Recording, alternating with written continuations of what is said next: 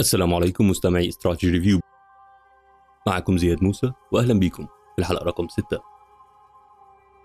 حلقة النهارده تعتبر أولى حلقات البودكاست بشكله الجديد من حيث طريقتنا في تناول التعريفات أو المصطلحات.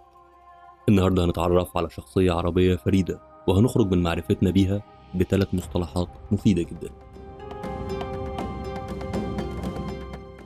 شخصية النهارده لإنسان عربي مصري معاصر. نشأ في مجتمعاتنا الحالية مش من 100 سنة وهو طفل في سن الأسئلة الكتيرة والغريبة واجه أجوبة سطحية من مدرس اللغة العربية والدين وكان المدرس هو السبب في تخليه عن الإيمان. وبعد رحلة ومسيرة طويلة في الحياة قدر إنه يخرج بفكر جديد مميز. كل هدفه كان خدمة مجتمعه وأمته ونفعهم. بنتكلم عن المفكر الراحل دكتور عبد الوهاب المسيري. عليه رحمة الله. شخص تميز بفكر إنساني عربي حر وقرر إنه يخلص للمعرفة عشان ينفع ويخدم أمته. صعب جدا نختصر إنجازاته في حلقة أو موسم. وعشان كده هنسمع مع بعض النهاردة خلاصة سريعة عن حياته ورحلته المميزة عبر مسيرته في الحياة وقراره الغريب سنة 1990 إنه يستقيل من شغله ويتفرغ تماما للعمل على موسوعة عن اليهود. مين عبد الوهاب المسيري؟ وفقا للموقع الرسمي للدكتور الأستاذ الدكتور عبد الوهاب المسيري مفكر عربي إسلامي وأستاذ غير متفرغ بكلية البنات جامعة عين شمس. اتولد في دمنهور 1938 وتلقى تعليمه الابتدائي والثانوي هناك. التحق بعدها سنة 1955 بقسم اللغة الإنجليزية بكلية الآداب جامعة الإسكندرية وعين معيدا فيها بعد تخرجه. سافر للولايات المتحدة الأمريكية سنة 1963 حصل على الماجستير عام 1964 من جامعة كولومبيا وعلى درجة الدكتوراه سنة 1969 من جامعة ريدجرز. وعند عودته لمصر قام بالتدريس في جامعة عين شمس وفي عدة جامعات عربية.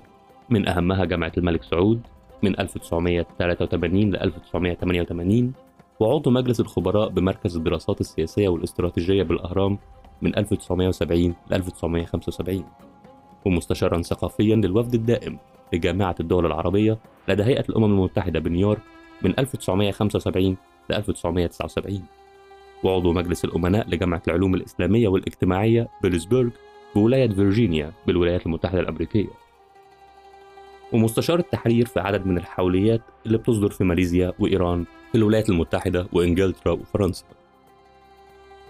من أهم أعمال الدكتور المسيري موسوعة اليهود واليهودية والصهيونية واللي بتعتبر نموذج تفسيري جديد مكون من 8 مجلدات. كمان عنده كتاب رحلتي الفكرية سيرة غير ذاتية غير موضوعية في البذور والجذور والثمار. والكتاب ده يعتبر مهم جدا للي حابب يعرف مين هو دكتور عبد الوهاب المسيري وفي مفاجأة بخصوص الكتاب في آخر الحلقة بإذن الله. للدكتور المسيري مؤلفات كتير جدا في موضوعات متنوعة من أهمها العلمانية الجزئية والعلمانية الشاملة. إشكالية التحيز بيتناول فيه رؤية معرفية ودعوة للاجتهاد مكون من سبعة أجزاء. في كمان مؤلفات أخرى في الحضارة الغربية والحضارة الأمريكية زي الفردوس الأرضي والفلسفة المادية وتفكيك الإنسان وحداثة ما بعد الحداثة ودراسات معرفية في الحداثة الغربية. زي ما قلنا في الحلقة الخامسة إننا هنبدأ في التغيير بنقل اللي اتعلمناه من غيرنا. وهنا يجي أول مصطلح ومفهوم وهو مفهوم الاستفادة الليفرجينج. وهو إنك تستفيد من كل اللي حواليك شرط إنك تقول أنت استفدت من إيه. فكرة اختراع العجلة أو التفرد بفكرة جديدة حلوة لكنه نادر الحدوث. الأحلى إننا نستفيد من نجاح غيرنا ومقوماته وبدل ما نفكر نعمل غيره نشكره على توفيره الوطني شخصيا بعتبر مفهوم الاستفادة شيء ثابت عندي من ساعة ما اتعلمته من مهندس خالد الفرخ رحمة الله عليه. وطبقت نفس المفهوم في حلقة النهاردة. وطبعا هتلاقي المصادر مرفقة مع الحلقة للي يحب يطلع عليها بالتفصيل. طيب عرفنا مصطلح الاستفادة. وعرفنا عن شخص دكتور عبد الوهاب. خطوتنا الجاية إيه؟ نعرف مصطلح جديد. ومهم جدا بالذات لو حابب تفهم أكتر العالم بتاعنا ماشي إزاي؟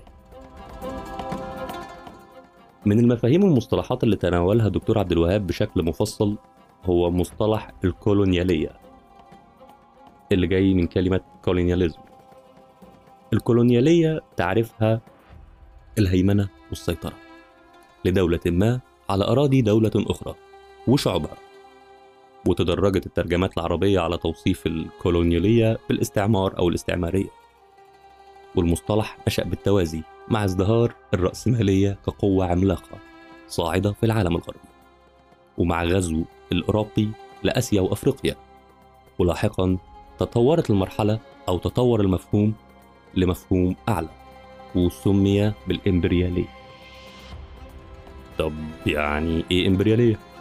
مين رايح فين؟ المصطلح ده ببساطة بيدل على سيطرة الدول القوية سياسيا أو اقتصاديا بصورة غير مباشرة على الشعوب الأضعف. الكلام بدأ يبقى صعب ورخم تقريبا صح؟ مفيش مشكلة. معاكم حق. وعشان كده هنغير المود بقصة طريفة للدكتور المسيري نفهم منها القصد بيقول النص وحين لاحظت تصاعد معدلات الاستهلاكية في المجتمعات الغربية كنت أظن في بداية الأمر أن الهدف من زيادة الاستهلاك هو زيادة الإنتاج وهي بالفعل كذلك. ولكن حينما تعمقت في الأمر قليلا وجدت أنها تهدف أيضا للترشيد في الإطار المادي والضبط الاجتماعي وتنميط المجتمع. فتصعيد معدلات الاستهلاكية وجعل هذه المعدلات هي المقياس الذي يحدد الإنسان من خلاله مدى سعادته ومكانته الاجتماعية هو شكل من أشكال الترشيد الداخلي. فالاستهلاكية وصورة الإنسان الاستهلاكي التي تروج لها من خلال الإعلانات التلفزيونية وأفلام السينما تحدد للفرد كل شيء ولا تتركه يحلم أحلاما خاصة ولا أن يسلك سلوكا خاص. لسه الكلام غريب شوية؟ ما أظنش. القصد ببساطة وفي المثال اللي تناوله الدكتور بعدها كان عن الموضة. بيقول في الكتاب والموضة أي الأزياء التي أصبحت واحدة من أهم الصناعات وأضخمها. أكبر دليل على ذلك. فالهدف المعلن من تغيير الأزياء هو إعطاء فرصة للمرأة أن تجدد ملابسها وتغيرها حسب ما يروق لها فتعبر عن ذاتها.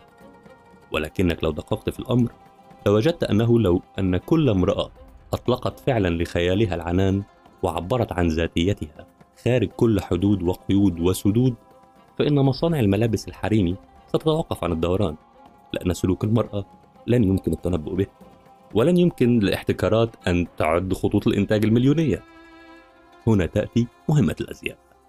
في أنها تقوم بضبط السلوك المرأة وتصنع لها الخطوط الأساسية التي تتحرك داخلها. الفستان الطويل الأخضر هو الموضة هذا العام. أما العام الذي يليه فهو القصير الأزرق. وفي العام الثالث فإنه إما أن يكون كذا أو كذا. ودواخين يلدون وبذلك يمكن التنبؤ بسلوكها واستيعابها واستيعاب أحلامها داخل خطوط الإنتاج. عبد الوهاب المسيري رحلتي الفكرية في البذور والجذور والثمر كده الدنيا بدأت توضح أكتر؟ طب أنا وأنت كبشر عاديين مالنا بالكلام ده؟ ونقدر نعمل فيه إيه؟ تخيل شخص زي الدكتور المسيري ممكن يكتب قصص للأطفال ليه؟ بيقول الدكتور ألفت قصة للأطفال عندما رزقني الله بأولادي نور وياسر. نور كانت نشيطة وذكية وكثيرة الأسئلة. وكذلك ياسر.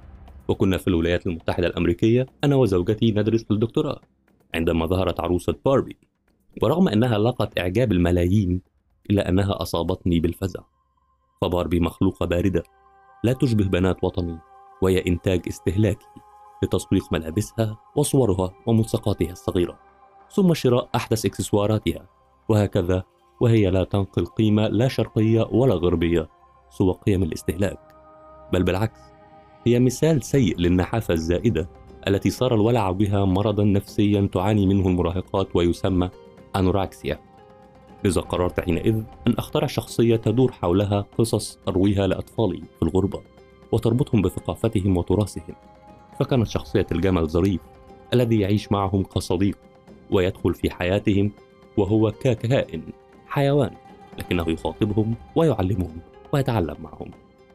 بدلا من الدب الغربي تيدي بير الشهير واستلهمت شخصيته من أثر قصة مع الرسول صلى الله عليه وسلم. كان جالسا فلاز به جمل من الذبح هاربا وطالبا الأمان. فأمنه الرسول صلى الله عليه وسلم وأنقذه. وهذه قصة لطيفة تربط عالم الحيوان بعالمنا في سياق إيماني.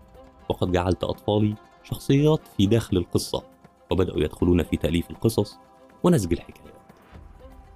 أنا أدعو الآباء لانتقاء شخصيات من التراث الأدبي أو القصص القرآني من حيوان وطير والبدء في محاولة مماثلة وسيجدون أنها أكثر إمتاعا من القصص القديمة أو ترك الأطفال أمام الألعاب الإلكترونية.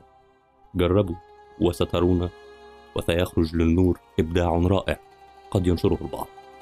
والأهم أن الآباء والأمهات سينشئون قناة تواصل جديدة وممتعة مع الأطفال.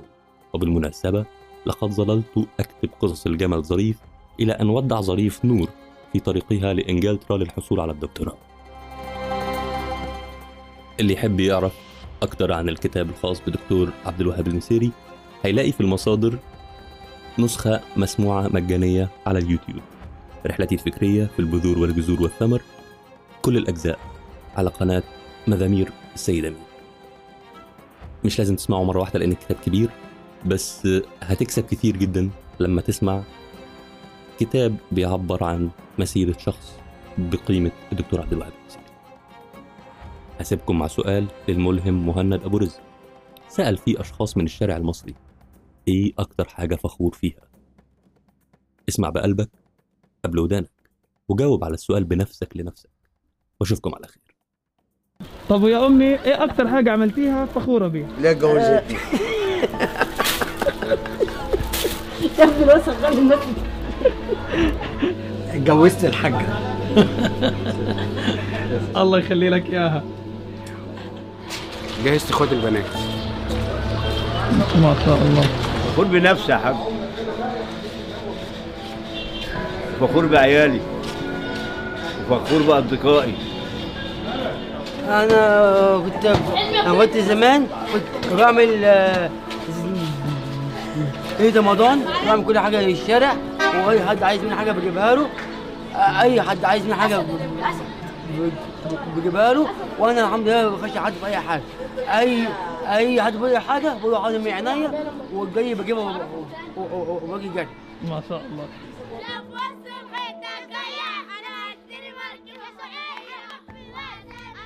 إيه أكتر حاجة أنت فخور بيها؟